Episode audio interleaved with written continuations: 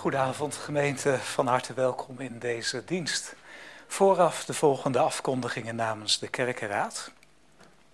Zondag 14 mei hoopt voor te gaan in de dienst van 10 uur en 7 uur kandidaat Vekkes uit Nijkerk.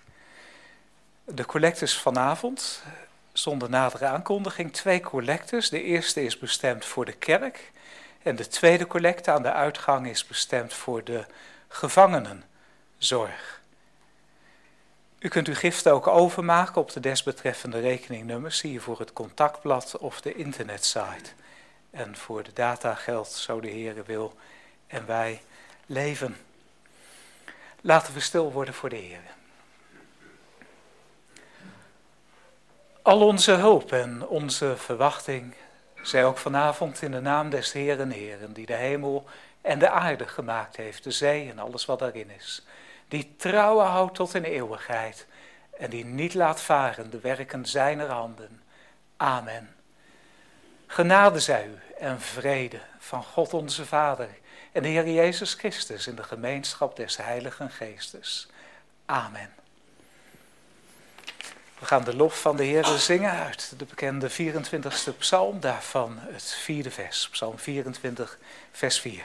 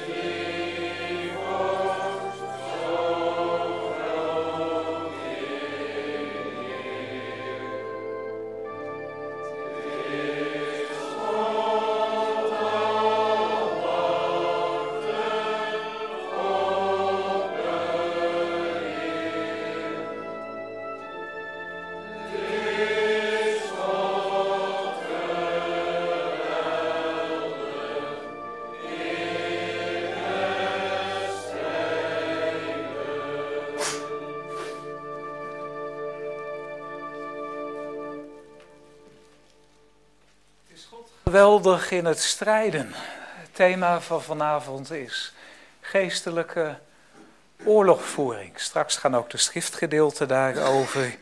En we hebben alvast inleidend daarover gezongen. De Heer die ons voorgaat in de strijd. We willen ons geloof in die Heer beleiden met de woorden van de geloofsbeleidenis van Nicea.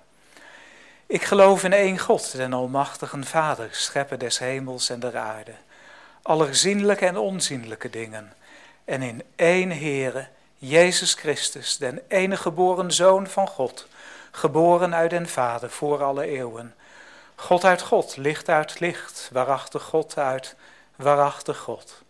Geboren, niet gemaakt, van hetzelfde wezen van den Vader, door welken alle dingen gemaakt zijn die om ons mensen en om onze zaligheid is nedergekomen uit de hemel.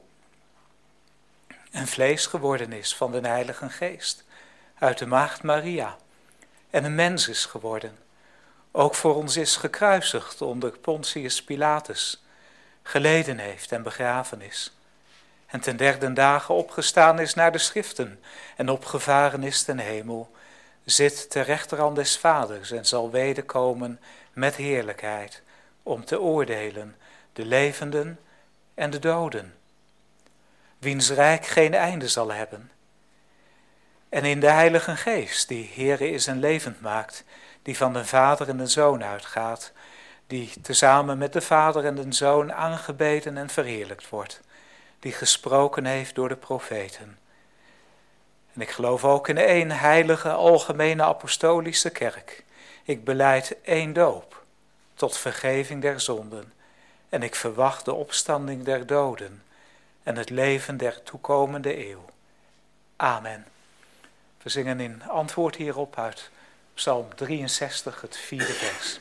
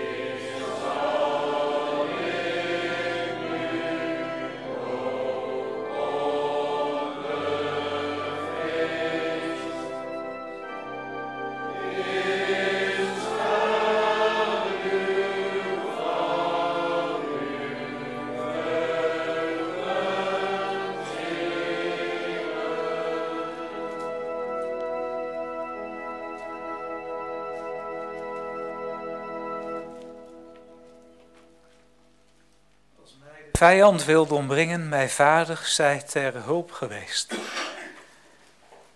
Zal u opgevallen zijn, niet alleen bij het zingen van deze psalm, maar ook regelmatig bij de psalmen in de Bijbel, dat het gaat over strijd, over moeite en dat de hulp van de Heere God daarbij ingeroepen wordt en dat hij ook gedankt wordt voor overwinning en voor bijstand in de strijd. En zo zongen we het ook in dit vierde vers van Psalm 63. Dat bepaalt ons er al bij dat we in het Oude Testament, in het leven van gelovigen van duizend jaar geleden, de tijd van David, al te maken hebben met, met strijd.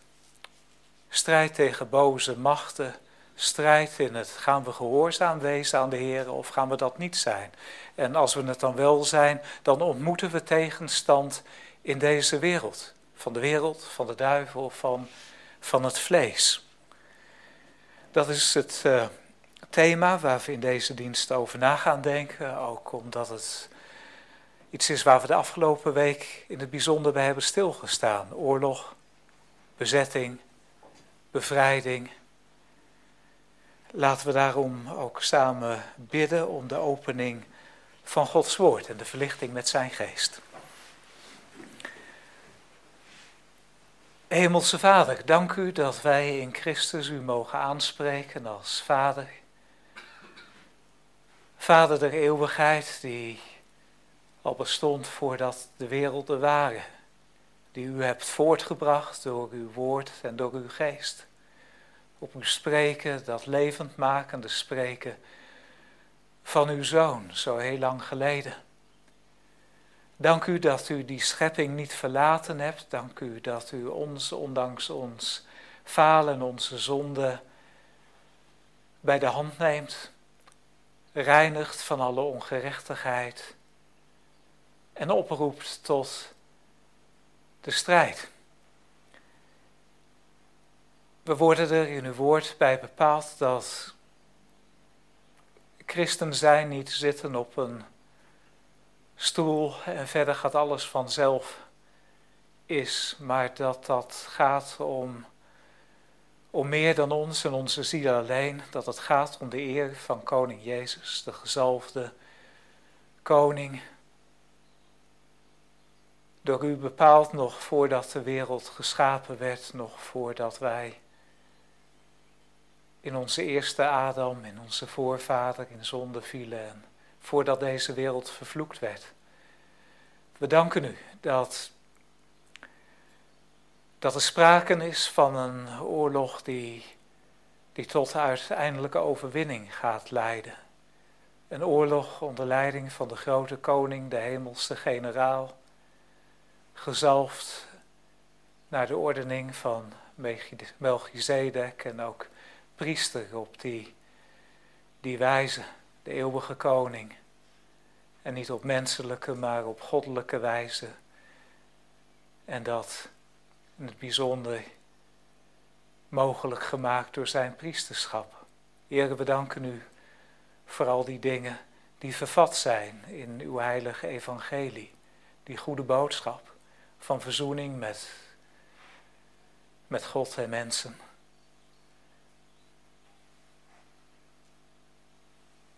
Uw evangelie is goed nieuws, maar het is slecht nieuws voor de duivel.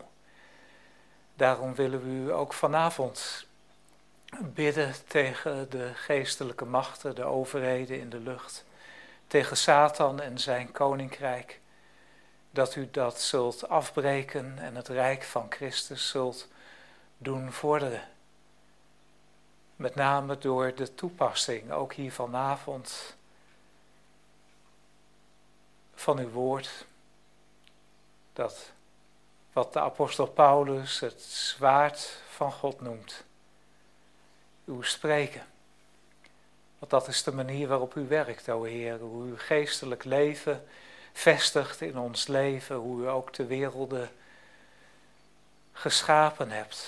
God sprak. En het was er. We danken u voor de levendmakende kracht van uw spreken spreken. Daarom hebben we het ook over uw heilig woord en gaan we daar met respect mee om, omdat ons leven daaraan te danken is. Het geloof dat is uit het gehoor en het verkondigde woord van God. Heren, wilt u zo ook vanavond ons geloof versterken? Voor mij als dienaar van uw woord, voor ons allen in het luisteren, zodat het mag leiden tot opmerkzaamheid op uw stem en tot gehoorzaamheid aan de grote hemelse generaal die van u benoemd is en die we door de schrift tegenkomen in Jezaja, in Openbaring, op zoveel andere plaatsen. Niet te vergeefs gezalfd als koning, maar, maar ook gehoorzaamheid eisend. Help ons hem niet alleen Here te noemen, maar ook te doen wat hij zegt. Here, wees ons zo vanavond een, een God van nabij. Gedenk ook alle, alle mensen die verantwoordelijkheid hebben in uw hemels koninkrijk, in, in de kerk. Dat u uw dienaren met met gerechtigheid en met waarheid zult toerusten over het rond der aarde. Gedenk ook de aardse overheden, dat zij mogen dienen als instrument in zijn hand om de boze te weren en het rijk van Christus te doen vorderen. Ook, ook in deze donkere tijden waarin waarheid in ongerechtigheid en ondergehouden wordt en mensen eigen waarheden scheppen. Dank u wel dat uw zoon beloofd heeft dat de waarheid zal vrijmaken. Mag dat ook vanavond gebeuren in ons aller hart en leven. Dat bidden we in de naam van uw zoon, de Heer Jezus Christus, die met u en de Heilige Geest, een enige God leeft en regeert, tot in eeuwigheid. Amen.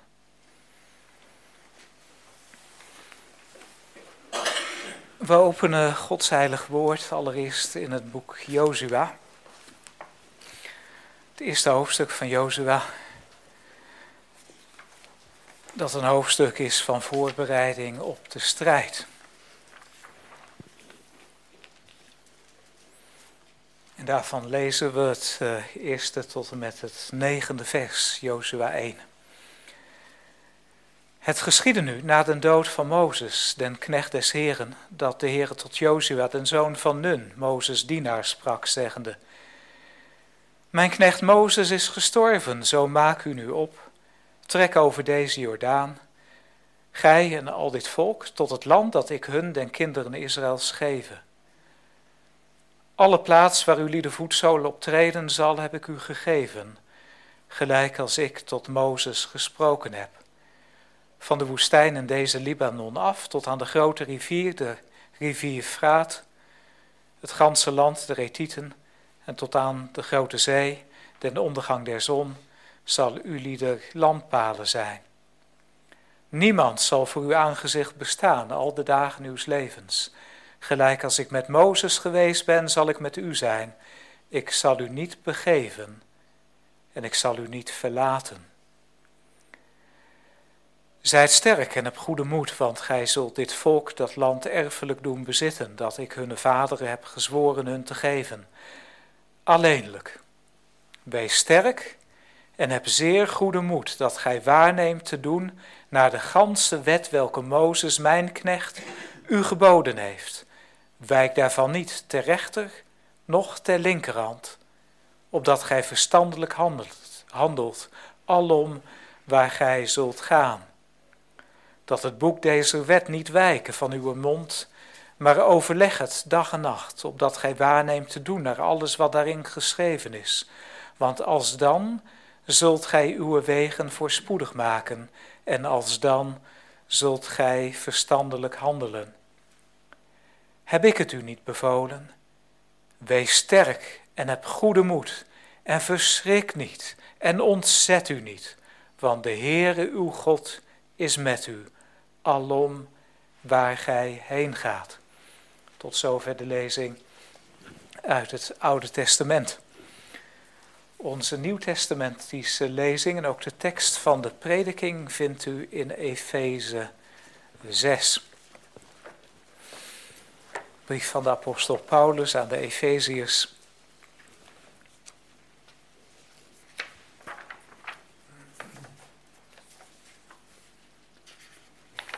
Het laatste hoofdstuk. En dan lezen we de versen 10 tot en met 18. Voorts, mijn broeders, wordt krachtig in den Heere en in de sterkte zijner macht. Doet aan de gehele wapenrusting Gods, opdat gij kunt staan tegen de listige omleiding des duivels.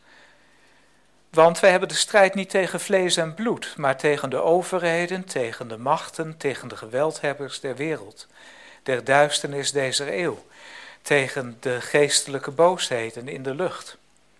Daarom neemt aan de gehele wapenrusting Gods, opdat gij kunt wederstaan in den boze dag en alles verricht hebbende staande blijven.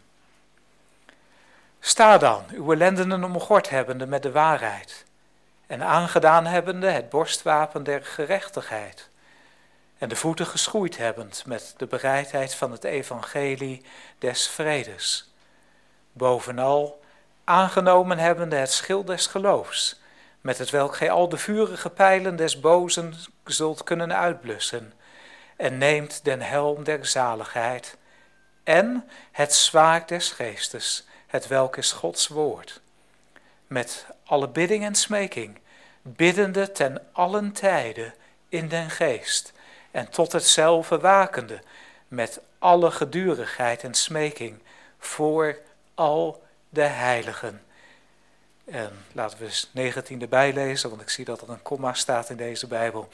En voor mij opdat mij het woord gegeven worden in de opening mijns monds, met vrijmoedigheid om de verborgenheid des evangelies bekend te maken, waarover ik een gezant ben in ene keten, opdat ik in hetzelfde vrijmoedig mogen spreken, gelijk mij betaamt te spreken.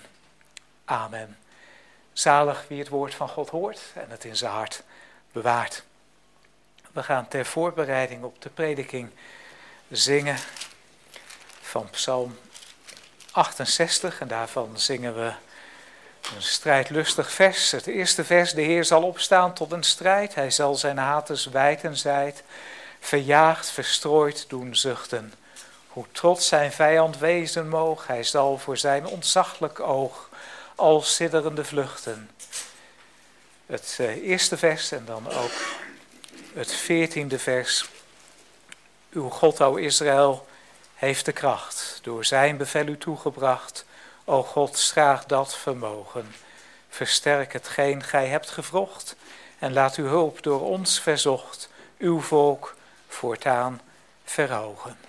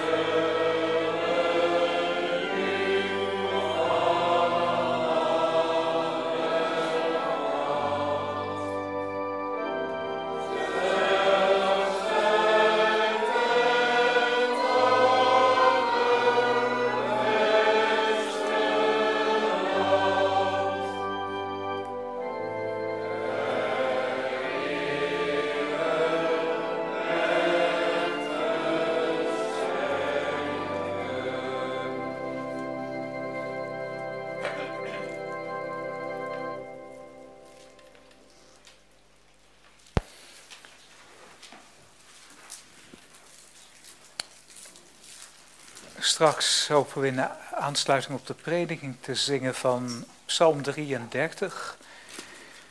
Het negende vers, het briesend paard moet eindelijk sneven. En ook het elfde vers, laat ons alom zijn lof ontvouwen.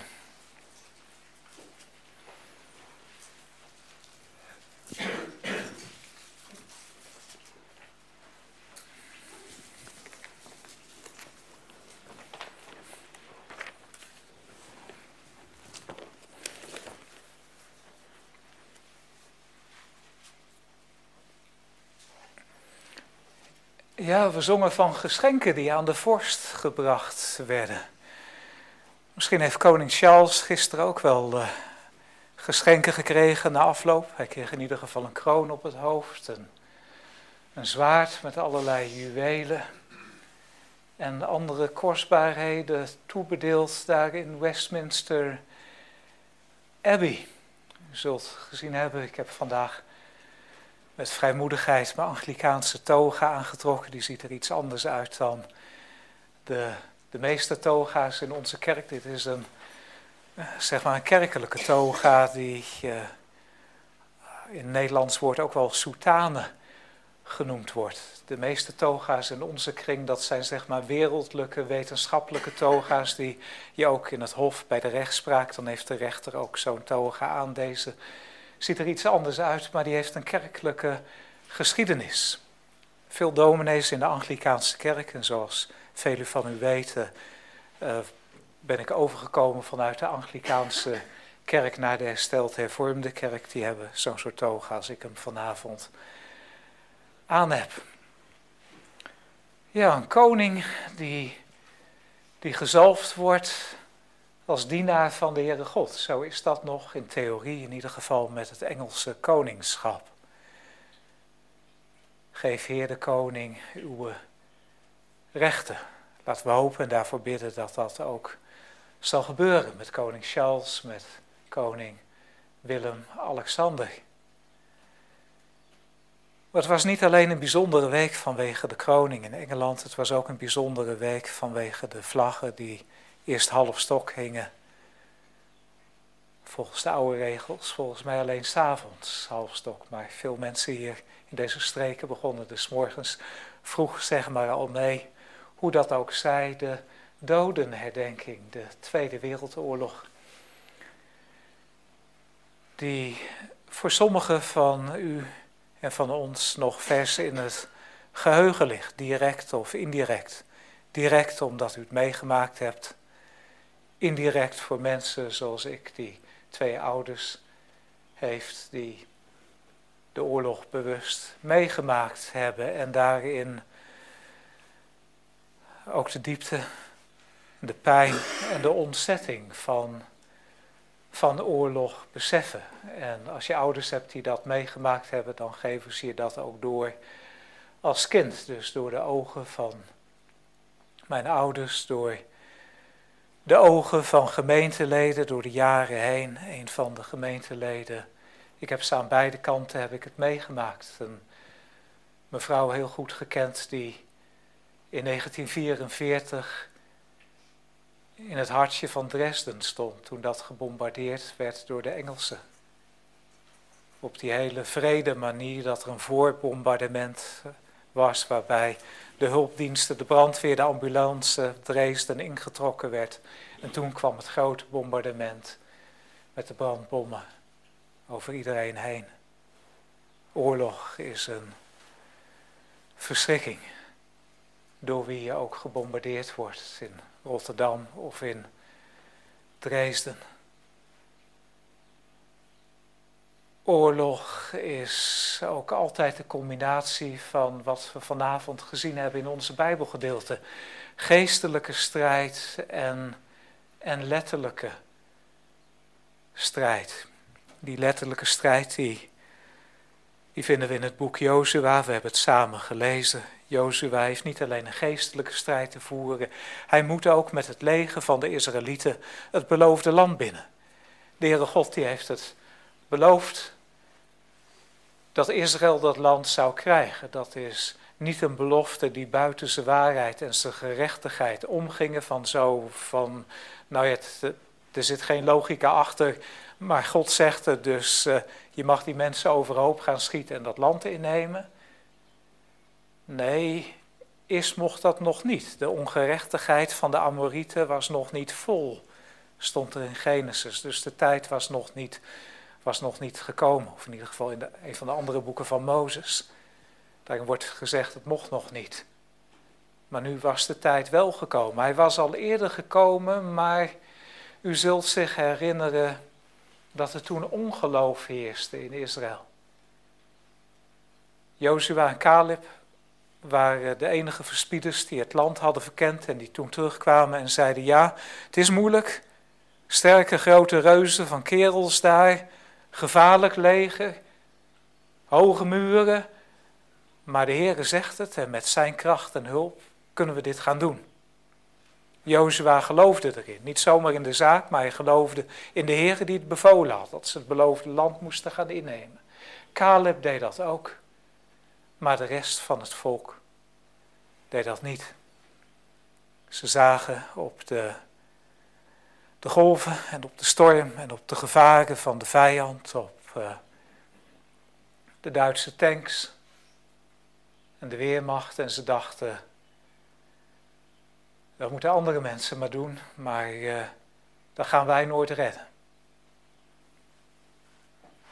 Dus ze trokken zich terug. De oproep om deel te nemen aan het hemelse leger kwam.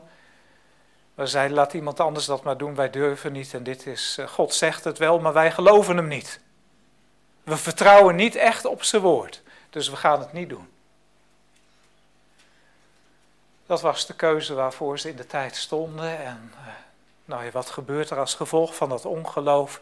Die hele generatie van Israëlieten komt om in de woestijn, omdat ze niet wilden vechten toen de Heer hun had opgeroepen.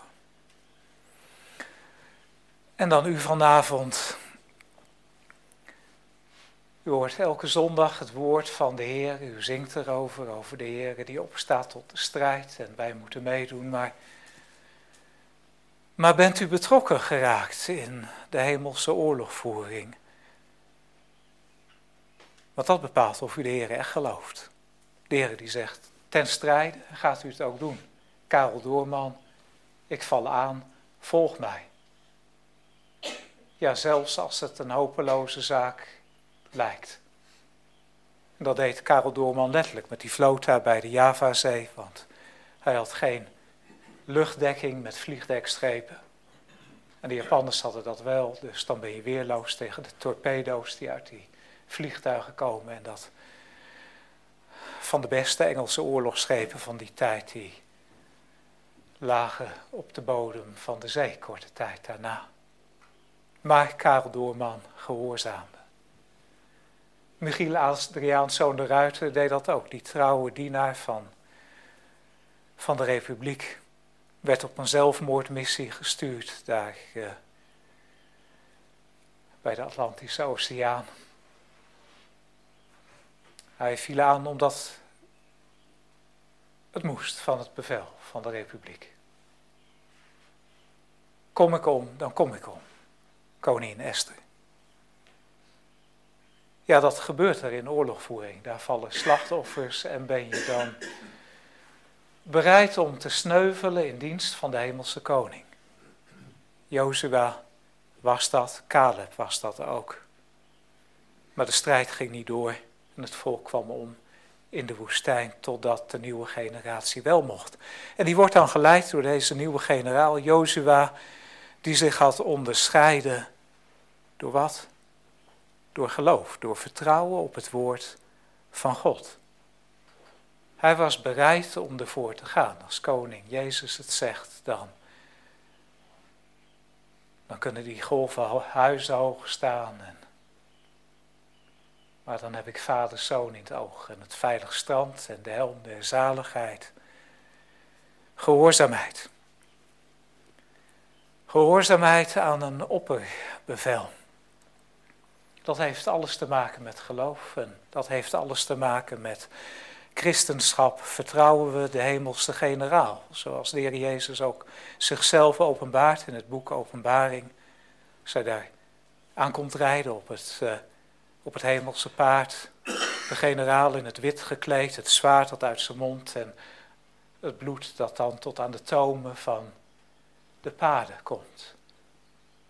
The Grapes of Wrath, dat lied van Glory Hallelujah, waarin dan mensen vertrapt worden alsof het in de wijnpers, alsof het druiven zijn en het bloed dat spat eruit en uiteindelijk dan staat dat tot de tomen van de paarden. Nou, dat is een, daar word je niet vrolijk van. Dat is een angstwekkig tafereel wat de openbaring daar schetst. Maar de hoofdvraag zo direct en in het begin is dus, onder welk opperbevel staan wij vanavond en vertrouwen wij de bevelen ook? En of het echt vertrouwen, dat komt tot uitdrukking in, gaan we het doen wat hij, wat hij zegt?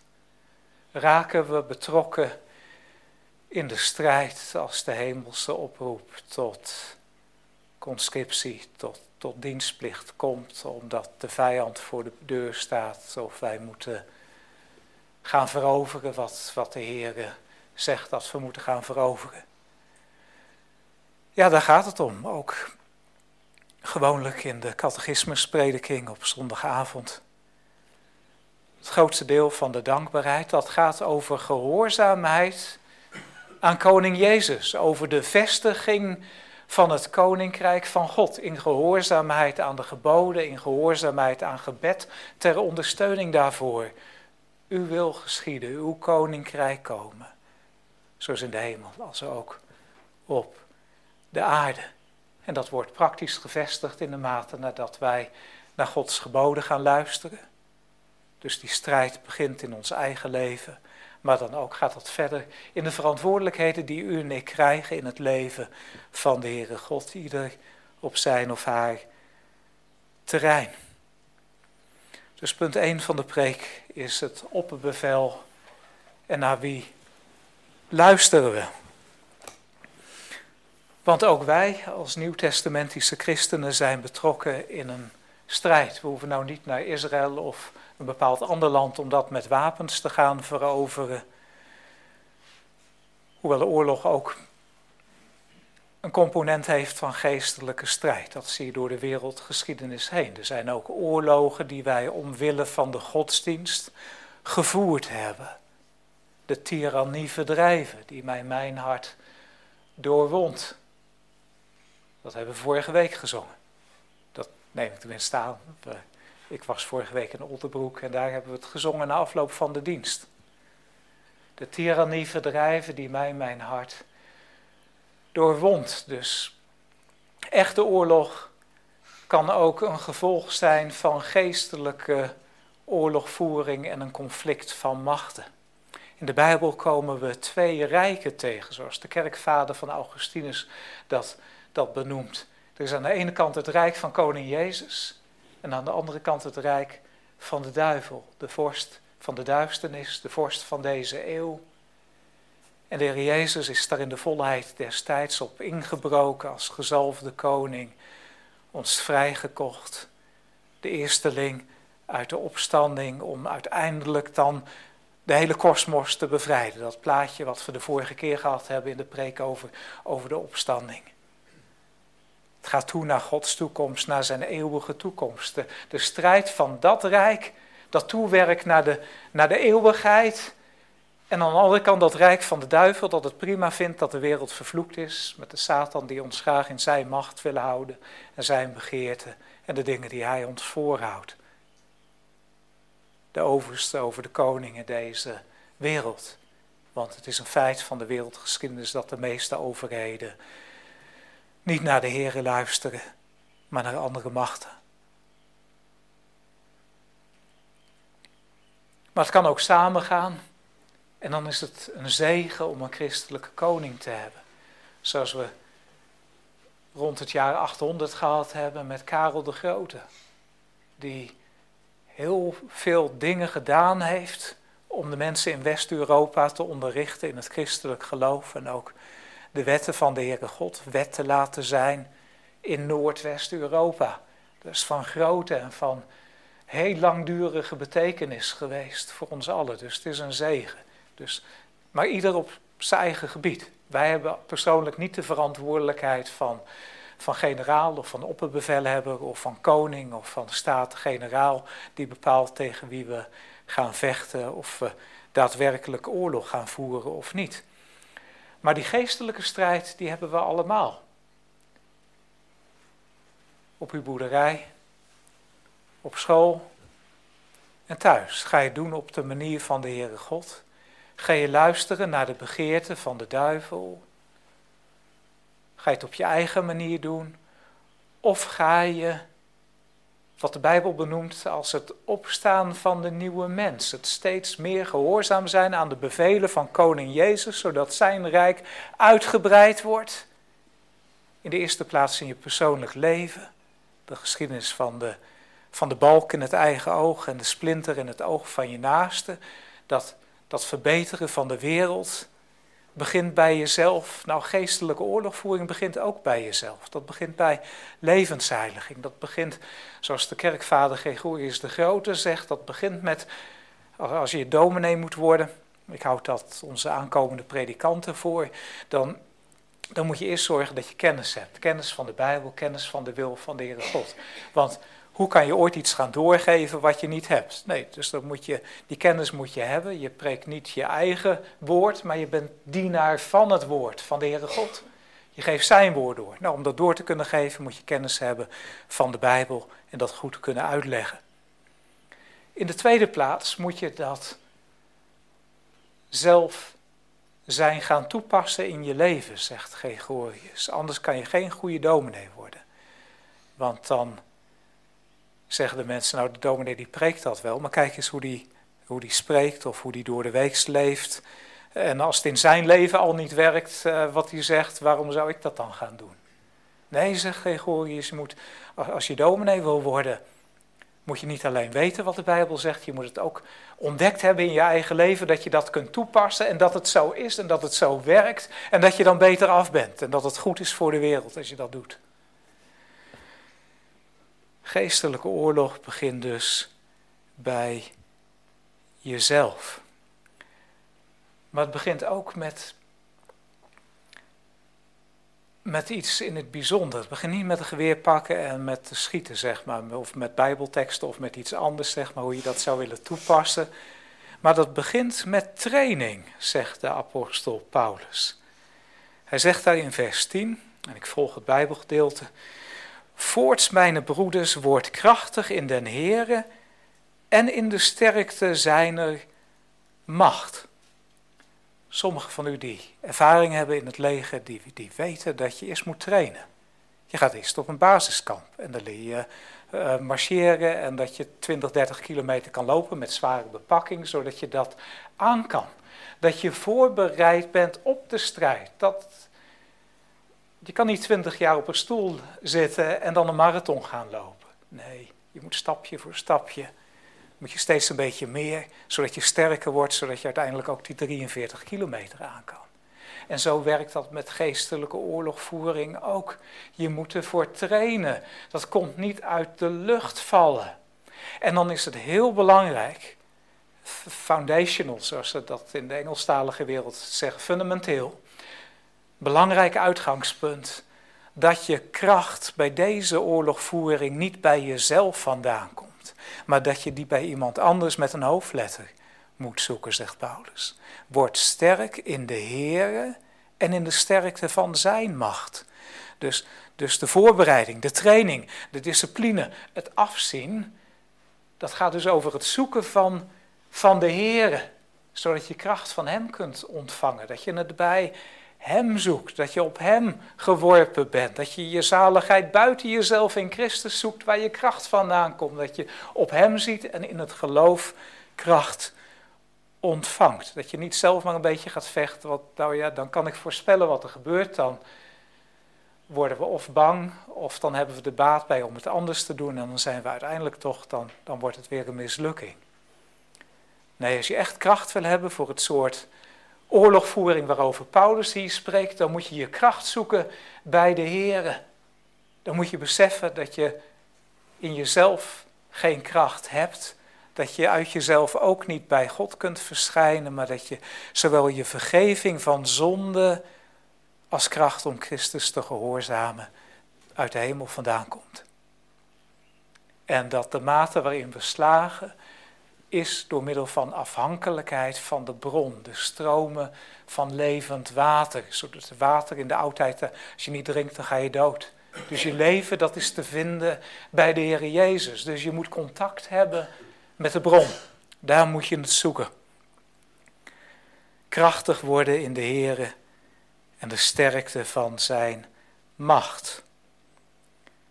Want als je niet sterk genoeg bent, wat gebeurt er dan? Als je dan een, ik weet niet of je wel eens in zo'n kasteel geweest bent, waar dan zo'n middeleeuwse wapenrusting hangt. Die is een beetje zwaarder mogelijk dan de Romeinse, maar niet te min. Als je dat probeert aan te trekken, dan krijg je het probleem van David. Die is dat niet gewend als herdersjongen. En koning Saul, die had dan wel een wapenrusting voor hem, maar dat was allemaal veel te groot en te zwaar voor David als herdersjongen. Nee, voor een wapenrusting moet je getraind zijn. En pas als je die kracht bij de Here gezocht hebt, dan moet je die dingen gaan toepassen die Paulus hier zegt. Dan moet je die hele wapenrusting van God gaan aandoen. Hij zegt ook de gehele wapenrusting Gods. Is het u opgevallen hier? Gehele wapenrusting. Het Griekse woordje wat daarvoor gebruikt, dat, dat gaat ook over een heel soort van bedekking. Dat, dat, dat alles beschermd is tegen de vijand. Tegen de pijlen, tegen de speren, tegen de aanslagen, tegen nou, alles wat u daarbij bedenken kunt bij zo'n strijd. Dus de gehele wapenrusting aantrekken. Dus als we het straks gaan hebben over het zwaard van de geest en de helm. Je hebt soms gelovigen in onze tijd die dan denken dat, ze, dat het zwaard dan voor hun is en iemand anders de helm van de zaligheid en weer iemand anders heeft dan een schild van geloof. Nee, zegt Paulus, jullie moeten de gehele wapenrusting dat is voor elke individuele christen. Dus je kunt niet zeggen, nou, ik, ik, met het woord alleen. Nee, het woord kan niet zonder geloof, het kan niet zonder waarheid. En, en al die dingen die komen straks bij elkaar. Paulus zegt de gehele wapenrusting. En hij zegt niet, nou moet je zelf smid gaan spelen en een zwaard gaan smeden of naar de dumpshop gaan en wat bij elkaar halen en dan verschijn je dan bij de kazerne in, uh, in Havelte, daar verderop? Nee, natuurlijk niet. Daar, daar krijgen ze een uniform. Daar krijgen ze goede wapens. Ik heb een jongere vriend, die is bij de mariniers. Die, die krijgt het hele pakket daar in Rotterdam. En daar is die van de winter mee vertrokken naar Noorwegen. Je moet een professioneel wapenpakket krijgen. Dat bestand is tegen dit soort van oorlogvoering. En waar krijgen we dat? Waar kunnen we dat kopen? Waar kunnen we dat kopen zonder prijs, zonder geld krijgen van de Heere? Inderdaad, bij de Heere God. Dus die wapenrusting, dat is een hemelse wapenrusting die we bij Hem moeten zoeken. Niet zelf maar wat gaan proberen met wat regeltjes en zo. Bij de Heere een wapenrusting zoeken. En Paulus zegt, die is bij Hem te verkrijgen. En sterker nog, hij zegt, hier zo is die opdat gij kunt staan tegen de listige omleidingen des duivels. Want wij hebben den strijd niet tegen vlees en bloed, maar tegen de overheden, tegen de machten, tegen de geweldhebbers der wereld, der duisternis deze eeuw, tegen de geestelijke boosheden in de lucht. Aantal lastige woorden die hier zo in het Grieks staan. Maar als ik het voor u samenvat, dan heb je aan de ene kant de hemel waar de Heere God woont. Maar uit die hemel zijn Satan en zijn engelen uitgeworpen en er zijn allerlei geestelijke beginselen en machten die een rol spelen, ook in deze vervloekte wereld. En dat zit dus tegen de, tussen de hemel van de Heere God en onze aardse werkelijkheid in. En, en die hebben hier invloed op. Soms krijgen we er een inkijkje in in de Bijbel. Als u het boek Daniel leest, dan is een van de aardse engelen die is bezig om geografisch in een bepaald deel van het Midden-Oosten te vechten tegen een, een engel van de Satan. En daarom kan die, kan die nog niet verder. Maar goed, het is maar goed dat wij niet die hele geestelijke werkelijkheid kunnen zien. Daar zouden we soms bang van worden. Maar hij is, hij is er wel. En we zijn erin betrokken. En omdat we erin betrokken zijn, moeten we een geestelijke wapenrusting aandoen. Om bestand te kunnen zijn tegen Ja, de strijd van de duivel. Want de duivel is een briljant generaal. En die heeft ook zijn engelen en een heleboel mensen die bij hem in dienst zijn. Dus we leven in vijandig gebied. We zijn wel bevrijd in mei 45. Maar alleen maar van de Duitsers, van de nazi's. Niet van de duivel en van zijn travanten. Die, die strijd gaat nog steeds voort. En daarin is ook de kerk van vandaag betrokken. En als u gedoopt bent, dan hebt u een oproep tot militaire dienstplicht ontvangen. Als u het woord van de Heer, zijn bevel gehoord hebt, dan moet u meedoen met de strijd. En, en hoe doet u dat dan in de praktijk? Nou, zegt Paulus, daar heb ik wel een antwoord op. En dat heb ik met deze wapenrusting. Die moet u gaan aandoen, die hele wapenrusting. Vanaf vers 13, daar herhaalt hij dat. Ziet u weer de gehele wapenrusting, God, dat Griekse woordje panopleia, die hele bedekking. Dus niet één of twee en dan moet het maar goed wezen, want nou heb ik mijn best gedaan. Nee, u, moet aan al die dingen gaan werken. U moet, uh, u moet het hele pakket meenemen uit, uit uh, de, de bevoorrading vandaan. Opdat gij kunt wederstaan in den boze dag. Misschien wordt u vanavond nou niet aangevallen en voelt het eigenlijk wel redelijk rustig. Maar u weet niet wat er morgen komt of overmorgen. En als we voorbereid zijn, dan is dat zoals met de olie van de wijze maagden. Dan kan het maar gebeuren. Want wij zijn beschermd met die hele wapenrusting. Een helm op, een schild, een zwaard, een borstpanzer. Het zit ook nog goed vast met die gordel.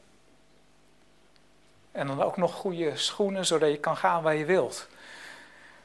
Nou, dan, de, dan kan je gehoorzamen. Maar anders, als je die, die volledige toerusting niet hebt, dan stuurt de generaal je misschien op een missie. Maar dan moet je zeggen, oh ja, u zei dat wel van dat zwaard, maar dat heb ik eigenlijk thuis gelaten. Ik heb nooit mijn Bijbel gelezen. Ik had er eigenlijk niet zo zin in. Ik was s'avonds ook moe. Ja, ik had wel s'morgens kunnen lezen, maar het was ook lekkerder om niet te, la, niet te vroeg op te staan. U, kent het soort excuses wat we dan kunnen maken. Waardoor we delen van de wapenrusting thuis laten. Maar als onze generaal ons dan op een missie stuurt. En uh, zegt gebruik dat zwaard, maar we hebben thuis gelaten. Dan kunnen we de missie niet volbrengen. Zoals uh, een van de, van de heroïeke missies in de Tweede Wereldoorlog. Dat was de aanval van commando's op Saint-Nazaire in, Frankrijk. Nou, als die mensen hun bootjes vergeten waren, dan waren ze nooit uitgekomen waar ze hadden moeten zijn. En zo moeten wij het allemaal hebben: de helm, het zwaard, het borstpanzer en de andere dingen die hier genoemd worden. Staat dan uw lendenen omgord met de waarheid. Daar begint het mee. Als je van nut wil zijn in hemelse oorlogvoering, dan moet je staan bij en met de waarheid. Zoals we weten uit de geschiedenis is het eerste slachtoffer van oorlog gewoonlijk de waarheid. Want mensen liegen tegen de eigen bevolking om de oorlog te rechtvaardigen of ze te motiveren, of ze liegen om de vijand te misleiden, hoe het ook zij, heel vaak we hebben het ook de afgelopen jaren weer gezien rondom de Oekraïne. Dan uh, blijken heel veel aanvankelijke waarheden niet waar te wezen, maar een leugen die paste bij de narratief. Dat is niet iets nieuws. We hebben het gezien in de Tweede Wereldoorlog. Een paar jaar geleden zijn de 70 jaar archieven opengegaan en dan zie je plotseling dat ook onze geallieerde troepen heel veel oorlogsmisdaden gepleegd hebben. Maar er mocht jarenlang niet over gesproken worden, want het was voor de goede zaak geweest en de Duitsers, dat waren de slechte. Nu hebben we in terugblik gezien dat het gecompliceerder ligt en dat er meer Nederlanders gestorven zijn bij geallieerde bombardementen dan bij Duitse en al dat soort dingen. Maar op het moment zelf is heel vaak de waarheid het eerste slachtoffer. En dat is niet alleen bij letterlijke oorlog het geval, dat zien we ook in onze tijd. Als u alleen al terugkijkt op de laatste paar jaren, dan zijn heel veel waarheden van twee of drie jaar geleden, die zijn gebleken onwaar te zijn. Denkt u alleen maar aan de vaccinaties, om een heel uh, controversieel onderwerp dat, dat, dat nou wat uh, wetenschappelijker beargumenteerd is geworden. Dus vandaar dat ik er ook vrijuit over durf te spreken op de, op de preekstoel. Wij werden aangemoedigd om te vaccineren of dat serum dan toegediend te krijgen, omdat dat zogenaamd zou beschermen tegen het doorgeven van het coronavirus. Dat was niet waar. Dat was een, een waarheid die geconstrueerd was door nou ja, allerlei mensen die daar al dan niet baat bij hadden op dat moment. En dat is typisch voor onze tijd, dat er eigen waarheden gecreëerd wordt. Dat ik mag zeggen dat ik een vrouw geworden ben en dat ik dat van D66 en bepaalde andere partijen dan ook morgen bij het gemeentehuis mag, mag registreren. Mag mijn geslacht veranderen. Mag nou al op paspoort. Ik ben ouder dan 18. En uh, ja. Maar dat is een waarheid die ik creëer, die niet de biologische werkelijkheid van mijn lichaam vertegenwoordigt. En we leven in dat soort tijd. Dat is de duivel, de vader van de leugen, die niet volgens de waarheid gaat. Wij die onze eigen waarheden scheppen, ondanks Gods openbaring in de natuur en de schriftuur. Een eeuw die leeft bij eigen waarheden. En dat is al begonnen in het paradijs. De Heere zegt het wel, maar eigenlijk kunnen we niet vertrouwen. Hij heeft niet het beste met ons voor, dus we gaan maar eten van die vrucht. We geloven de leugen, de geconstrueerde waarheid, propaganda van de duivel. En dat is de gang van, van de wereldgeschiedenis. Maar dat is ook de manier waarop de duivel werkt. Hij is de vader der leugen en dan vervolgens ook effectief de mensenmoordenaar van de beginnen. Want dat is waar het verlogenen van de waarheid toe leidt, tot de dood. Dat is Gods straf daar, daarop. De duivel vermoordt mensen met de leugens. Daarom moeten juist christenen gaan voor de waarheid. Gods waarheid zoals die die openbaart in de schepping en meer in het bijzonder in zijn heilig woord. Als je dat doet, dan heb je vaste grond onder je voeten buiten jezelf. Mensen die dat niet hebben, die hebben elk paar jaar weer een andere waarheid van 50% plus 1. Of van hun eigen hart wat het beste uitkomt. Bij de Heren niet. Bij de Heren blijft waarheid hetzelfde. En die, en die waarheid, die maakt vrij. Als je die vaste grond van waarheid onder je voeten vindt. Dat bevel van de hemelse generaal is goed voor mij, is goed voor de wereld. En het kan misschien tijdelijke schade opleveren, maar waarde voor de eeuwigheid. Dus we gaan ervoor. Waarheid. Omgord met de waarheid. Dat was vroeger ook zo, want als je naar dat uh, plaatje van een Romeinse soldaat zou kijken, dan is die gordel niet alleen voor de sier, zoals wij zeg maar riemen dragen tegenwoordig. Eigenlijk zit de broek gewoonlijk ook wel. Je hebt uh, met hedendaagse broeken geen bretels of riemen meer nodig, die zakken niet af. Maar een Romeins soldaat had zo'n gordel nodig om de zaak bij elkaar te houden. Het zwaard met de schede dat, dat, dat afhing, borstplaat die mede vast zat, met, die, die riemen zaten wat hoger. En als je zo'n riem niet hebt, nou dan, dan ben je de hele tijd bezig met gaat het hier wel goed, terwijl je, zou moeten vechten. Dus die waarheid is van levensbelang, dat je je daarop oriënteert.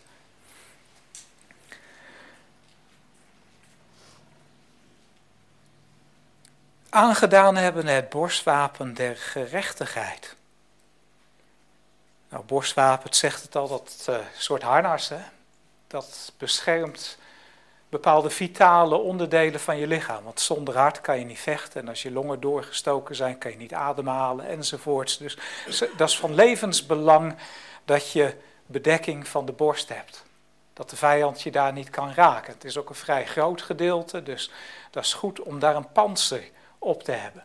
Hoe noemt Paulus dat panzer? Nou, hij zegt dat is het panzer van de gerechtigheid. Beetje een moeilijk woord, maar, maar wat is gerechtigheid? Nou, dat is toepassing van die waarheid in je leven. Dat je de waarheid gaat doen. Wat noemt gij mij Heere, Heer en doet niet wat ik zeg? Nou, je doet dus precies het omgekeerde. Je doet wel wat hij zegt als je de waarheid gaat toepassen. Als je gelooft dat de tien geboden waar zijn, nou, dan, dan leidt dat tot een leven van gerechtigheid. Waarbij je niet steelt, waarbij je niet echt breekt, waarbij je de Heere de eer geeft die hem toekomt. Van Zacharias en Elisabeth wordt geschreven dat zij een rechtvaardig leven leiden. Dat is een leven volgens de geboden, volgens de waarheid van de Heere God. Dus, dus bij de gordel daar had je de kennis van de waarheid en dat je daarop oriënteert. Dat houdt de zaak bij elkaar. Dan word je niet zelf de maat van alle dingen. Bij het borstpand van gerechtigheid is dat je het gaat doen. En als je het gaat doen, kijk, als je altijd leeft volgens de waarheid en geen leugens vertelt. Dan hoef je ook niet te onthouden waar je gelogen hebt tegen die en een halve waarheid verteld hebt tegen iemand anders. Zodat je, dat wordt een heel ingewikkeld leven. Maar als je jezelf stelt onder de waarheid, je zonde beleidt, als je niet volgens de waarheid gesproken of geleefd hebt, dan krijgt gerechtigheid gestalte in je leven. En dat is de bedoeling. Dat is waarom we bekleed zijn met de gerechtigheid van Christus. Dat het ook in de praktijk gestalte zou, zou gaan krijgen in ons leven. Dat de nieuwe mens naar het beeld van Christus geschapen gaat opstaan. Dat is deel van deze geestelijke strijd. Boven, nee, nog niet bovenal. En de voeten geschoeid hebben met de bereidheid van het evangelie des vredes. Nou, zegt u, schoenen, dat is toch niet typisch van soldaten? Nee, maar goede schoenen wel. Als je als soldaat moet kunnen marcheren, heb je goede schoenen nodig. En dat was met name in de antieke oudheid was dat belangrijk. Als je kijkt naar de legers van, van Caesar, de Romeinse generaal, en de Griekse Alexander de Grote daarvoor, dan was het kenmerkend van die beide legers dat ze goede schoenen hadden. Sandalen, schoeisel, waarmee je effectief ver kon lopen. Als je op blote voeten bent en je hebt keitjes of andere scherpe dingen op de grond liggen. In ieder geval verspil je veel energie aan het lopen. Met goede schoenen minimaliseer je je energiegebruik en kan je ook veel effectiever zijn op de plek waar de generaal je hebben wil. dan zegt Paulus, nou die schoenen voor jullie gelovigen, dat is de bereidheid van het evangelie des vredes. Als we nou even kijken naar de betekenis van evangelie, euangelion, de goede boodschap, Christus, gestorven voor onze zonden, hem, de hemelse koning, achterna opstaan tot een nieuw leven.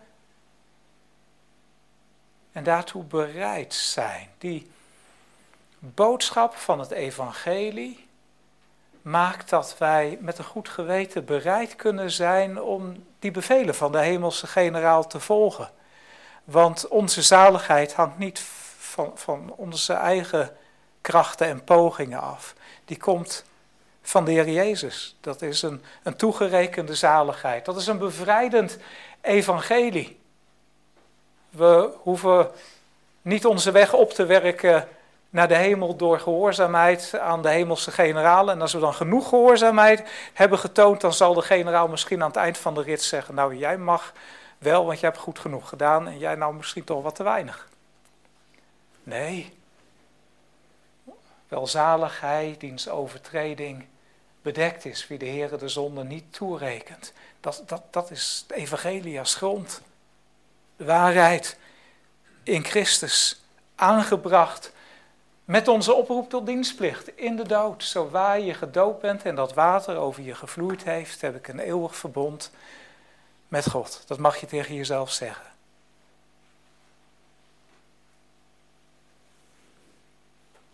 En dan de strijd in met die schoenen. Ja, dan moet je ook op weg. Het evangelie laat ons op weg gaan. Soms uh, letterlijk naar de andere kant van de wereld. Ik wens het u niet toe. Maar dan toch in ieder geval op de plaats waar u gesteld bent. Op weg naar de klas, op uh, weg naar het land bij de boerderij komende week. Maar dan toch op bevel van de Heer. Hem eren met dat leven wat Hij ons gegeven heeft. En dan biedt de Heer soms ook onverwacht gelegenheden om zijn koninkrijk uit te breiden. Of om in ieder geval te getuigen van, van zijn macht en van zijn heerschappij. Ik had het een aantal weken geleden in de voorbereiding op het college daar bij de VU was een, uh, soms gebruiken studenten een collegezaal om wat te werken en te studeren, want er zijn geen aparte studeervertrekken. Een gebrek dat ze nog niet opgelost hebben. Goed, er zat een psychologiestudent en wij raakten aan de praat, want ik kom altijd wat eerder. En dat bleek een moslim te wezen. En we hadden zo'n interessant gesprek dat ik tegen hem zei: Blijf zitten, joh, met college als je tijd hebt. En dat heeft hij gedaan. En op die manier hebben we van elkaar mogen leren en zien dat tot onze schande als christenen, moslims soms meer geloven dan mensen die zich christen noemen in Nederland. Moslim die gelooft in de opstanding uit de doden, zoals we een tijdje geleden hoorden, maar, maar ook de maagdelijke geboorte van Christus. De Heer kan onverwachte gelegenheden geven. Maar ook zonder die meer specifieke uitdraging van het evangelie zijn we geroepen om trouw te zijn aan koning Jezus, om ons werk te doen op zijn manier. Nou, dat mogen we en kunnen we met alle bereidheid doen, omdat we dat doen met schoenen die de Heer aan ons gegeven heeft. Evangelie van de verzoening. Die hebben we niet zelf gemaakt, die schoenen, en dan hopen dat ze werken. Nee, nee, we hebben ze bij de hemelse kazerne gekregen in onze doop. Nou moeten we er ook mee gaan lopen. De bereidheid van het evangelie des vredes. Dat maakt dat we ten diepste als christelijke soldaten ook op een vredesmissie zijn. Zoals vroeger bij de Sinaï. Dat je niet alleen de vrede bewaart, maar dat je ook vijanden tot vrienden maakt door de verkondiging van het evangelie en door het getuigen van onze Heer. Vrede geef ik u, vrede laat ik u. Ja, uiteindelijk is het heden der genade en is de Heer niet op, uit op onze dood of uit op de dood van de wereld, maar dat de mensen zich bekeren en leven. Bovenal aangenomenen hebben het schild des geloofs, met het welk gij al de vurige pijlen des bozen zult kunnen uitblussen. Dat is interessant, die zit niet op het lichaam, maar dat is iets wat je vasthoudt. Dat is zeg maar een, uh, uh, ja, een dubbele verzekering. Je hebt dat borstpanzer, straks zien we die helm, maar dan ook nog een schild voor het geval dat. Nou, zo'n schild was niet alleen voor het geval dat. De Romeinen die noemden dat een, eh, een scutum, dat is het, de Latijnse naam. In de tijd van de keizers waren die beetje kleiner dan in de tijd van de republiek daarvoor. Maar goed, het was nog een aardig groot schild. U kunt het mij nou niet zien met de preekstoel ervoor, maar vanaf mijn knieën tot ongeveer mijn schouders kwam zo'n schild. Dat werd gemaakt van een aantal lagen met reepjes hout die op elkaar gelijmd werden. Daar overheen kwam weer canvas en daar weer overheen kwam kalfsleer en soms ook nog uh, beschermende repen ijzer aan de, aan, aan de zijkanten. Als u weet wat kalfsleer doet, en misschien weten sommige van de dames het vanavond, dan, dan begrijpt u de rest van dit vers ook. Want ik dacht aanvankelijk schild waarmee u de vurige pijlen van de boze kunt uitblussen. Dus dan schieten ze van die pijlen en daar kan dan pek op zitten. Dat hadden ze uitgevonden in die tijd. En dan, dan kan de zaak in de brand vliegen als zo'n pijl landt. Nou, als je dat wil voorkomen in je leven, dat de pijlen van de duivel landen en dat de hele zaak aan de brand raakt, omdat de begeerte in je, liggen, in je leven, nou dat, dat vlamt op en het neemt alles over en dan leidt het tot zonde. Als je dat wil voorkomen, zegt Paulus, dan moet je het schild van geloof gebruiken, dat is goed. Want dat kalfsleer, leer dat brandt niet. Dus als die pijlen daarop komen en daarin vaststeken, dan is dat, uh, ja, vervelend, bedreigend, maar ze worden uitgeblust. Ze gaan vanzelf uit. Dus je moet, zoals we vroeger zeiden, je kan niet voorkomen dat er een vogel overvliegt, maar wel dat hij nest gaat bouwen op je hoofd. En zo moeten we ook omgaan met, met de zeven hoofdzonden van de kerk van alle tijden. Met de, met de wellust, met, met de, de vraatzucht, met de, de gierigheid. Als die dingen landen in ons leven, of als die langskomen, de gedachten. Zoals ze bij de moslims zeggen, als je één keer naar iemand anders de vrouw kijkt, dan is dat nog halal. Maar als je een tweede keer terug wil gaan kijken, dan is dat al geen zuivere blik meer. Dat kennen we onder christenen in, in Amerika, kennen ze dat ook. Dan zeggen ze, the first look is free. De, de eerste keer dat, dus als je de neiging hebt om dan terug te gaan kijken, dan, dan kan je het zevende gebod gaan overtreden, of het, uh, of het tiende, of allebei. Nou, dat schild van geloof betekent dat je de Hemelse Vader en zijn bevel meer vertrouwt en belangrijker vindt dan, dan begeerten en verlangens die langskomen. Zoals in het paradijs, ja, de Heer zegt dat wel, maar dat verlangen naar, dat, naar die vruchten zien er wel heel interessant uit. En de duivel die zegt, nou als ik dat eet, dan krijg ik kennis van goed en kwaad en word ik ook een soort God. En dat is eigenlijk goed voor mij als ik dat ga doen. Zie, dat hou je tegen met het schild van het geloof, dat soort aanslagen. Want het geloof dat zegt, ik kan mijn hemelse vader vertrouwen. Hij meent het goed met mij. En daarom ben ik gehoorzaam. Ik heb een missie. En daar ga ik voor. Het schild van het geloof met welk we alle vurige pijlen van de boze kunnen uitblussen. En soms, als je bekend bent met Griekse en Romeinse oudheid, uh, ik ben een klassicus, dus dan lees je er nog wel eens wat over. Caesar heeft een boek geschreven over de oorlogen die hij gevoerd heeft.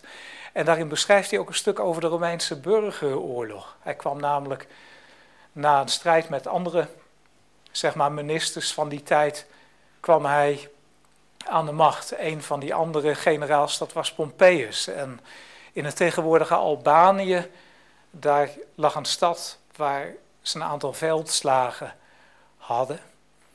En een van de forten die Caesar daar had, Albanië is dat land dat zeg maar rechts van Italië ligt, aan de overkant van de Adriatische Zee is dat geloof ik. In die tijd was dat ook een Romeins Grieks gebied, een beetje mengvorm. En daar gingen die legers vechten. En een van de forten van Caesar werd aangevallen op zo'n manier dat het vreselijk bestookt werd. Ze, ze zeiden dat ze wel 30.000 pijlen vonden na afloop. Maar, maar de, de belegerde die hielden stand. En een van de centurions, die had ook zo'n scutum, zo'n schild. En daar hadden ze het aantal gaten die de pijlen gemaakt hadden geteld na afloop. En dat waren er 220. Dus je kunt een massa van aanslagen van de duivel in je leven kan je aan door het schild van het geloof. Wat vliet of bezwijkt. Getrouw is mijn God. Nou, dan zijn we al een aardig eind uh, op weg. Dat moet ik wel, want ik kan niet de hele avond preken. En neem de helm der zaligheid. De helm der zaligheid, daar kan ik kort over zijn. Dat betekent dat als christen niet voor het hier en nu leven, maar voor de eeuwigheid. We hebben hier geen blijvende stad. Ik heb de afgelopen week een, uh, een mooie toespraak van de Mieter Nachtstroef in, in Duitsland over geluisterd van Peter Hane. En die, uh, die getuigde daar ook van. Hij was presentator bij de Duitse televisie jarenlang. Hij is nu met pensioen. En toen in 2001 die aanslagen op die torens in New York waren, toen stonden er eh, ministers van het Duitse kabinet, die stonden daar bij hem in de studio en de tranen die liepen letterlijk over de wangen daar bij de minister van Defensie. En toen zei hij tegen Peter Hane, ja, jij hebt tenminste geloof en, en een toekomst. Ja, dat, dat maakt een heel groot verschil. Of je leeft voor de eeuwigheid of niet. Of je zegt, uh, ja, die mensen hier kunnen het lichaam wel doden. Maar ik vrees degene meer die beide lichaam en ziel in de hel kan werpen. Ik leef voor de eeuwigheid. En dan kan ik hier mijn lichaam in in gehoorzaamheid aan de hemelse generaal verliezen bij deze veldslag, maar dan ben ik gehoorzaam geweest en dan wacht mij een beloning wel gedaan, gij getrouwe dienstknecht. Ik leef voor de eeuwigheid. Ziet u dat? Als je zo'n helm hebt, dan, dan kan je gehoorzaam zijn. De helm der zaligheid. En als u het Oude Testament kent, dan ziet u dat dat in het boekje Jezaja, daar komen beide, dat borstpansen van de gerechtigheid en de helm van de zaligheid, komen bij de Heere God zelf. Komen, ik meen in Jezaja 57, komen, komen terug. Dus de Heere geeft ook zelf het voorbeeld in zijn verschijning daar. Dus het is niet eigen gerechtigheid, het is niet zaligheid die we zelf bewerken. Nee, het is een hemelse zaligheid die we hebben leren kennen in Christus en waarvolgens we leven. Genade op genade. En het zwaard des geestes, vers 17b, het welk is Gods woord. In Jesaja 11, vers 4, daar, daar, hebben we een verschijning van de Messias. Ik zal het nou niet met u opzoeken en voorlezen, maar kunt u thuis nalezen. De Messias die daar verschijnt met een zwaard dat uit zijn mond komt. Dat is voor ons Nederlanders in de 21ste eeuw een vreemd plaatje. Hè? Een verschijning met, dat het heeft wel wat hindoeïstisch of zo, dat er een zwaard uit een persoons mond komt. In de Bijbel heeft dat een betekenis.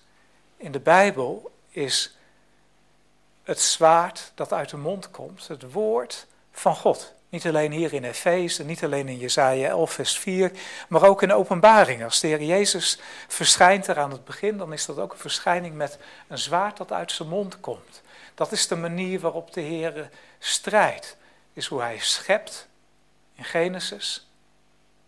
Door het woord van zijn mond. De Heer sprak en het was er, de eerste dag, de tweede dag enzovoort. Zo gaat het ook met de nieuwe schepping, zo gaat het met de geestelijke strijd. Dat, dat gaat door zijn woord. Wij moeten zijn woord, want dat is het woord der waarheid, toepassen op de missie zodat we Gods werk op Gods manier doen. Want de Heere God wil op zijn manier gediend worden. We kunnen niet zomaar wat doen. Nee, we moeten gaan doen wat de generaal ons geboden heeft. Eerst daar naartoe gaan, dan in de bootjes stappen, dan gaan peddelen, de, de, plastic explosieven meenemen, zorgen dat je je mitrailleur ook hebt en nog een extra pistool op zak, je gezicht zwart meer, smeren, want anders word je gezien in het donker. Al die dingen in gehoorzaamheid aan de koning.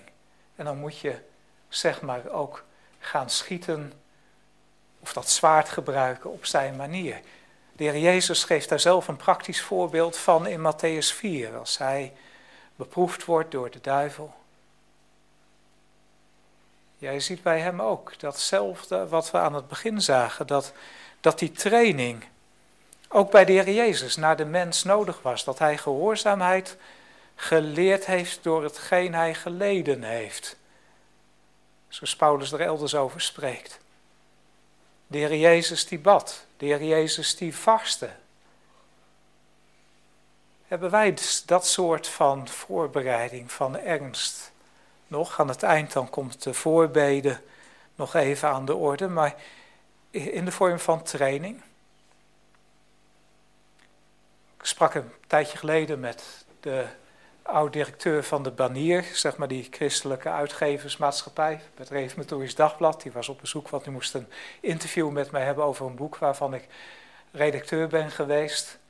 En hij vertelde dat hij ook de redelijke godsdienst van Brakel had hij in eenvoudiger taalgebruik voor jongeren, heeft hij geschreven, Evert Barten.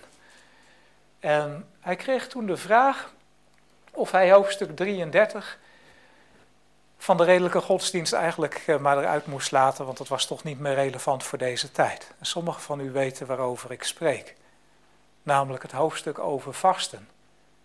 Dat wij als christenen ons onthouden van vasten uit verootmoediging voor onze eigen zonde, verootmoediging vanwege de nood der tijden, soms zelfs als kerkenraad uit verootmoediging voor geestelijke problemen en zonden die spelen in de gemeente. Telink, vroege nadere reformatie deed dat.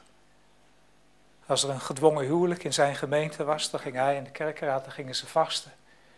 En als er een vaste dag was, dan onthield Telink en zijn gezin zich de hele dag van, van eten en zelfs van drinken. Hij vastte ook van water en van andere drank. Dat is niet de enige vorm van vasten. In de Bijbel kan je ook vasten als je je eten mindert of helemaal niet eet, maar wel drinkt. Maar niettemin doen we dat nog. Hebben we dat er nog voor over? Of moet alles ons aangereikt worden en zijn we een soort van uh, soldaten op de computer geworden, zonder wezenlijke bedreiging, zonder wezenlijke strijd? Dat is een belangrijke vraag. Zijn we dan voorbereid om dat zwaard te gebruiken? Want daarvoor is focus nodig. We leven in een tijd dat je wel eens denkt dat theologie een wetenschap is van het wegverklaren van de Bijbel. Dat we theologie hebben, een nieuwe hermeneutiek om ons uit te leggen waarom we de Bijbel nou lekker niet meer hoeven te gehoorzamen. Het staat er wel, maar het is gelukkig niet voor ons. Want we willen het niet meer doen en we hebben andere overtuigingen. En dat past toch niet meer, is niet meer van deze tijd. Nee, zegt de Heer Jezus, je moet om die focus te hebben, om de Bijbel te gebruiken op de juiste manier, dan moet je worstelen in gebed, moet je focus krijgen door ook je lichaam te vertellen dat je niet voor het hier en nu, maar voor de eeuwigheid leeft. Dus dat, dat ze eten en drinken niet het allerbelangrijkste is en dat we het nou even niet doen. Focus. En dan van daaruit Gods woord uitleggen op zijn manier. Want de duivel is een goede theoloog, zien we in Matthäus 4. Hij komt elke keer met een Bijbeltekst om de Heer Jezus te verleiden tot zonde. Dat hebben we in onze tijd, hebben we dat ook. Mensen die de Bijbel gebruiken om. Ja, ik zou er allerlei concrete ethische voorbeelden van kunnen vinden. Van, van echtscheiding tot homoseksualiteit en alles wat er tussenin zit. En dan ook op zakengebied. Het is niet alleen seksueel, maar het omspant het hele leven in onze tijd. Dat we dingen niet doen op Gods manier. En dat dan ook nog vroom kunnen rechtvaardigen met een Bijbeltekst. Nee, Gods woord moet je uitleggen naar de bedoeling des geestes. Daarom wordt het ook het zwaard des geestes genoemd. Het is niet zomaar een woord waarover wij mogen heersen, maar een woord wat de geest ons aanreikt, wat hij toepast hij heeft het in, in die mannen die daartoe gedreven waren om te spreken, gevestigd. Het is opgetekend. We moeten het ook naar zijn bedoeling gebruiken. En daarvoor moet je je Bijbel kennen. Daarvoor moet je, zoals u vanavond doet, preken beluisteren enzovoorts. Zodat we het God dienen op zijn manier. En niet gekke dingen doen met dat zwaard, maar ja, dat is ook een, eh, een hele techniek. Ik weet niet of, of jullie op school nog uh, hebben leren schermen. Wij hadden dat wel als, uh, als, als, vak bij gymnastiek. Dan moest je zo'n ook zo'n soort helm, zo'n soort masker opdoen. En dan moest je de juiste zwaartechniek, in ons geval met een degen leren, om dat goed te gebruiken. Want anders dan, dan, dan kom je niet bij de zwakke plekken van de tegenstander uit. Nou, zo is dat ook in geestelijke oorlogvoering. En dan tot slot met iets wat niet benoemd wordt als deel van de wapenrusting. Ik zou het de logistiek willen noemen. Met alle bidding en smeking, biddende ten alle tijden in den geest, tot hetzelfde wakende, met alle gedurigheid, dus dan moet je volhouden, niet na 20 seconden ophouden en uh, denken dat het met één keer wel klaar is. Nee, er zijn mensen waar je gewoon maandenlang voor moet bidden en situaties. Niet opgeven. En smeking. Net zoals die mevrouw met de onrechtvaardige rechter in de gelijkenis. Voor al de heiligen. Dus niet alleen voor ikke, ikke en mijn situatie, maar voor u, voor u en voor jullie. En voor elkaar. Net zoals met het Onze Vader die in de hemelen zijt. Onze zonden kerk en leger zijn, dat zijn we met elkaar. Anders heb je geen leger als je er één soldaat op afstuurt. Soms Soms werkt het als het een tweegevecht is, zoals met Goliath. Maar normaal gesproken, als een leger niet functioneert als leger en niet iedereen zijn eigen plaats inneemt die de generaal gebiedt, dan wordt de oorlog verloren. Of dan wordt de strijd niet zo gestreden als de bedoeling was. Daarom moeten we allemaal gehoorzaam zijn op de plaats waar de Heer ons stelt. Die hele wapenrusting aanstellen, aantrekken, maar dan ook voor elkaar bidden. En we hebben allemaal eigen fijne dingen in het leven die we de afgelopen weken hebben meegemaakt, waarvoor we dankbaar kunnen zijn. We kunnen ook dankbaar zijn en de Heer prijzen voor het goede wat we als broeders en zusters voor elkaar mogen betekenen. Maar er zijn ook noden, er is ook angst, er is ook pijn. En daarvoor is deze hemelse logistiek waartoe we geroepen zijn. Een goed leger heeft aanvoerkanalen nodig en een bevelstructuur die functioneert. Als de bevelen niet goed de juiste plaats bereiken, als het voedsel en de munitie niet op de goede plek aankomt op tijd, dan heb je een probleem als leger. Ik weet het nog dat ik in een ander leven als uh, journalist in Zuid-Afrika de grote legerbasis bij Pretoria bezocht. Voortrekker Hoogte heet dat. En dat was in de tijd toen Zuid-Afrika in oorlog was met, uh, met communistische troepen in Angola, met de grenzenoorlog. Ik heb samen met een legerpredikant in de tijd ook een aantal zwaargewonde soldaten bezocht die daar in het ziekenhuis lagen.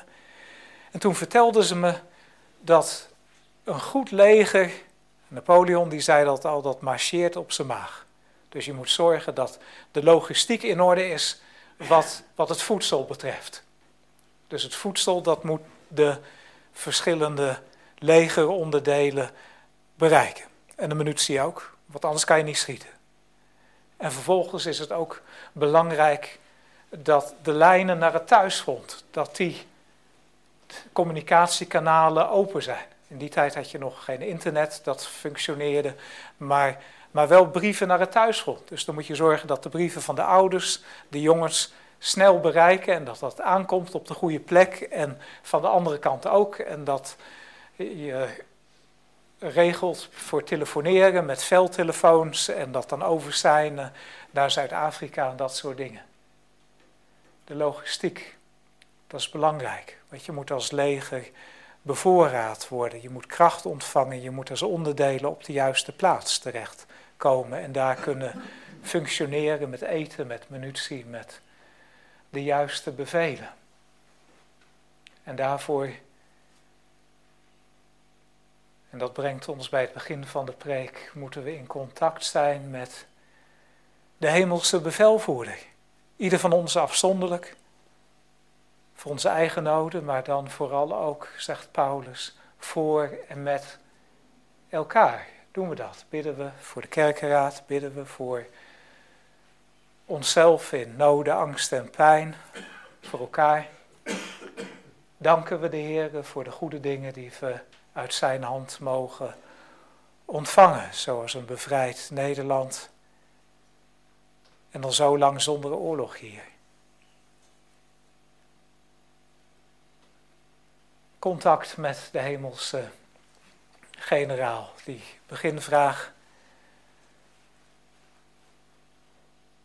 Bent u gaan leven uit uw doop? Hebt u uw bericht om op te komen als militair in het leger van Christus ontvangen?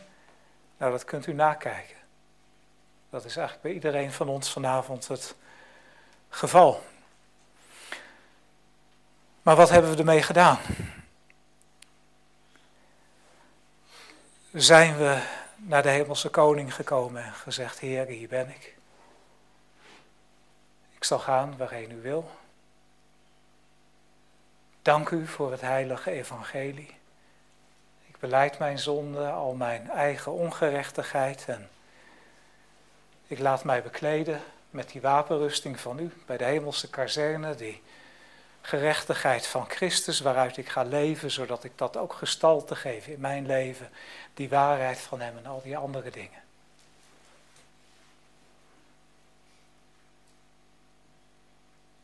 Met die vraag wil ik u vanavond laten. Bent u aan het marcheren in het leger van koning Jezus? Weet u wat uw missie is? Amen.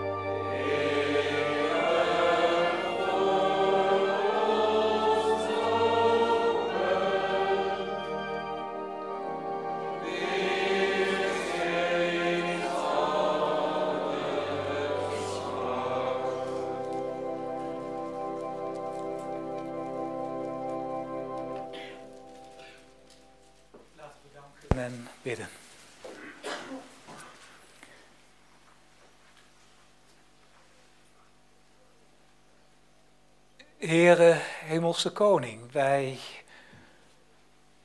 komen zo tot u als hopelijk soldaten van uw leger. In ieder geval als mensen die uw oproep tot dienstplicht ontvangen hebben. Die het per aangetekende post gehoord hebben, gedoopt en verzegeld. Jou wil ik hebben.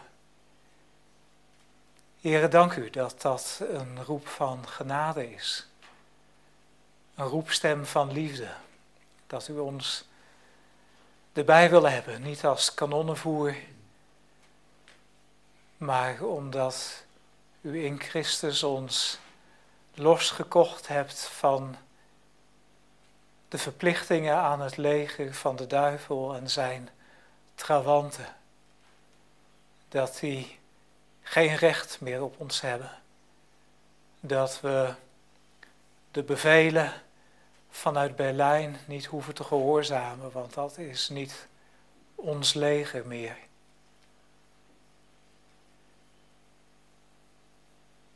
Dank u dat het begint met genade en wilt u ons helpen om dat ook heel goed te onthouden. Dat we onze training ontvangen door het heilige evangelie. Namelijk in het afzien van onszelf en onze toevlucht nemen voor redding, voor gerechtigheid, voor alles wat we nodig hebben om in de bevelstructuur van uw koninkrijk te staan, van Jezus Christus ontvangen. Dank u dat het evangelie daarom ook goed nieuws is. Dat het niet een oproep is die we moeten ontvluchten en moeten ontduiken en moeten mijden. Maar waarbij we vrijmoedig kunnen zeggen, ja heren, hier ben ik, ik meld mij. Als ik dat nog niet eerder gedaan heb vanavond. U hebt mij geroepen. En hier sta ik en ik kan niet anders, want ik heb de verschijning van onze Heer Jezus Christus liefgekregen. Mag dat bij ons allen het geval zijn? Wilt u ons ook helpen om de geestelijke strijd waar u ons roept, waarin we ons bevinden, of we het nu willen of niet, als we ons onttrekken aan de strijd, dan, dan zijn we eigenlijk geen kinderen van u meer. Daarom willen we bidden dat we in die strijd tegen de duivel, tegen de wereld en tegen ons eigen vlees ook uw wapens gebruiken. En niet één of twee, maar allemaal. Zoals we dat gehoord hebben van uw heilige apostel Paulus. De waarheid en de gordel die dat symboliseert de gerechtigheid en het borstpanzer. Schild van het geloof als die pijlen eraan komen, die, die eigenlijk aanknopingspunten in ons leven hebben. Dat beleiden we ook vanavond. Dat, dat er zoveel pijlen van de duivel zijn, dat als die brandend in ons hart terechtkomen, dat ze van alles zouden doen ontvlammen, omdat wij ook in zonde geboren en ontvangen zijn. Heere, help ons om u zo te vertrouwen dat we in het geloof in het leven staan. Dat we uw woord vertrouwen. En daarom als er verkeerde beelden langskomen op de computer, dat we dat dan afzetten en wegklikken en niet gaan bekijken. Dat we bij al die verleidingen die we kennen vanuit de ongehoorzaamheid aan de tien geboden, dat we dan tegen onszelf durven zeggen, de Heer heeft het goede met ons voor en dit is niet voor mij. De helm van de zaligheid, dat we niet voor dit leven leven, maar voor, voor u en voor de eeuwigheid. En dat we weten dat we in deze aardse strijd uiteindelijk allemaal zullen sneuvelen maar dat er wel eeuwig heil en loon te verwachten is in deze strijd. Dank u dat we leven voor een toekomende stad en dat het hier gaat om gehoorzaamheid aan de bevelen en de plaatsen waar u ons stelt. Of dat nou eer geeft op het slagveld of in de ogen van de wereld of niet. Waar gehoorzaamheid aan koning Jezus stelt. Heren, help ons om in dat opzicht niet opstandig te zijn tegen de bevelen die u ons geeft. Het niet beter te willen weten. En te zeggen, Heer, u zegt dat wel, maar ik geloof nooit dat dat goed is voor mij of dat ik dan beter af ben, Heer. Help ons om het eigen vlees en onze oude natuur te kruisigen. En de hemelse generaal te volgen. Dank u voor de voorbeden. Help ons ook om daarin getrouw te zijn. Vanavond willen we bidden voor elkaar als gemeente. We bidden nu voor de kerkenraad. We bidden nu voor de collega-predikanten en kerkenraden door heel Nederland heen, de gemeente. Wilt u ons helpen om juist in deze tijd, waar het onrecht zo dikwijls heerst en de leugen lijkt te triomferen, dat wij elkaar opdragen bij uw aangezicht om trouw te zijn aan uw waarheid, te leven vanuit uw gerechtigheid en die ook na te streven in onze eigen levens. Daarom bidden we ook onze Vader die in de hemelen zijt. Uw naam worden geheiligd, uw koninkrijk komen, uw wil geschieden, gelijk in de hemel als ook op de aarde. Geef ons, heden, ons dagelijks brood. En vergeef ons onze schulden, gelijk ook wij vergeven onze schuldenaren. En leid ons niet in verzoeking, maar verlos ons van de boze. Want uw is het koninkrijk en de kracht en de heerlijkheid tot in eeuwigheid. Amen. We willen tot slot nog gaan zingen uit Psalm 144 en daarvan het eerste vers. Gezegend zij de Heere, die talentijden mijn rotsteen is, mijn handen leert ten strijde. En tot en krijg mijn vingers toebereid, mijn hoge burg, mijn goede tierenheid, die mij bevrijdt. Bevrijdingsdag, mijn schild op wiens vermogen ik vast vertrouw. Wiens arm mij wil verhogen, die heerschappij en roem en sterkte geeft. En die mijn volk mij onderworpen heeft.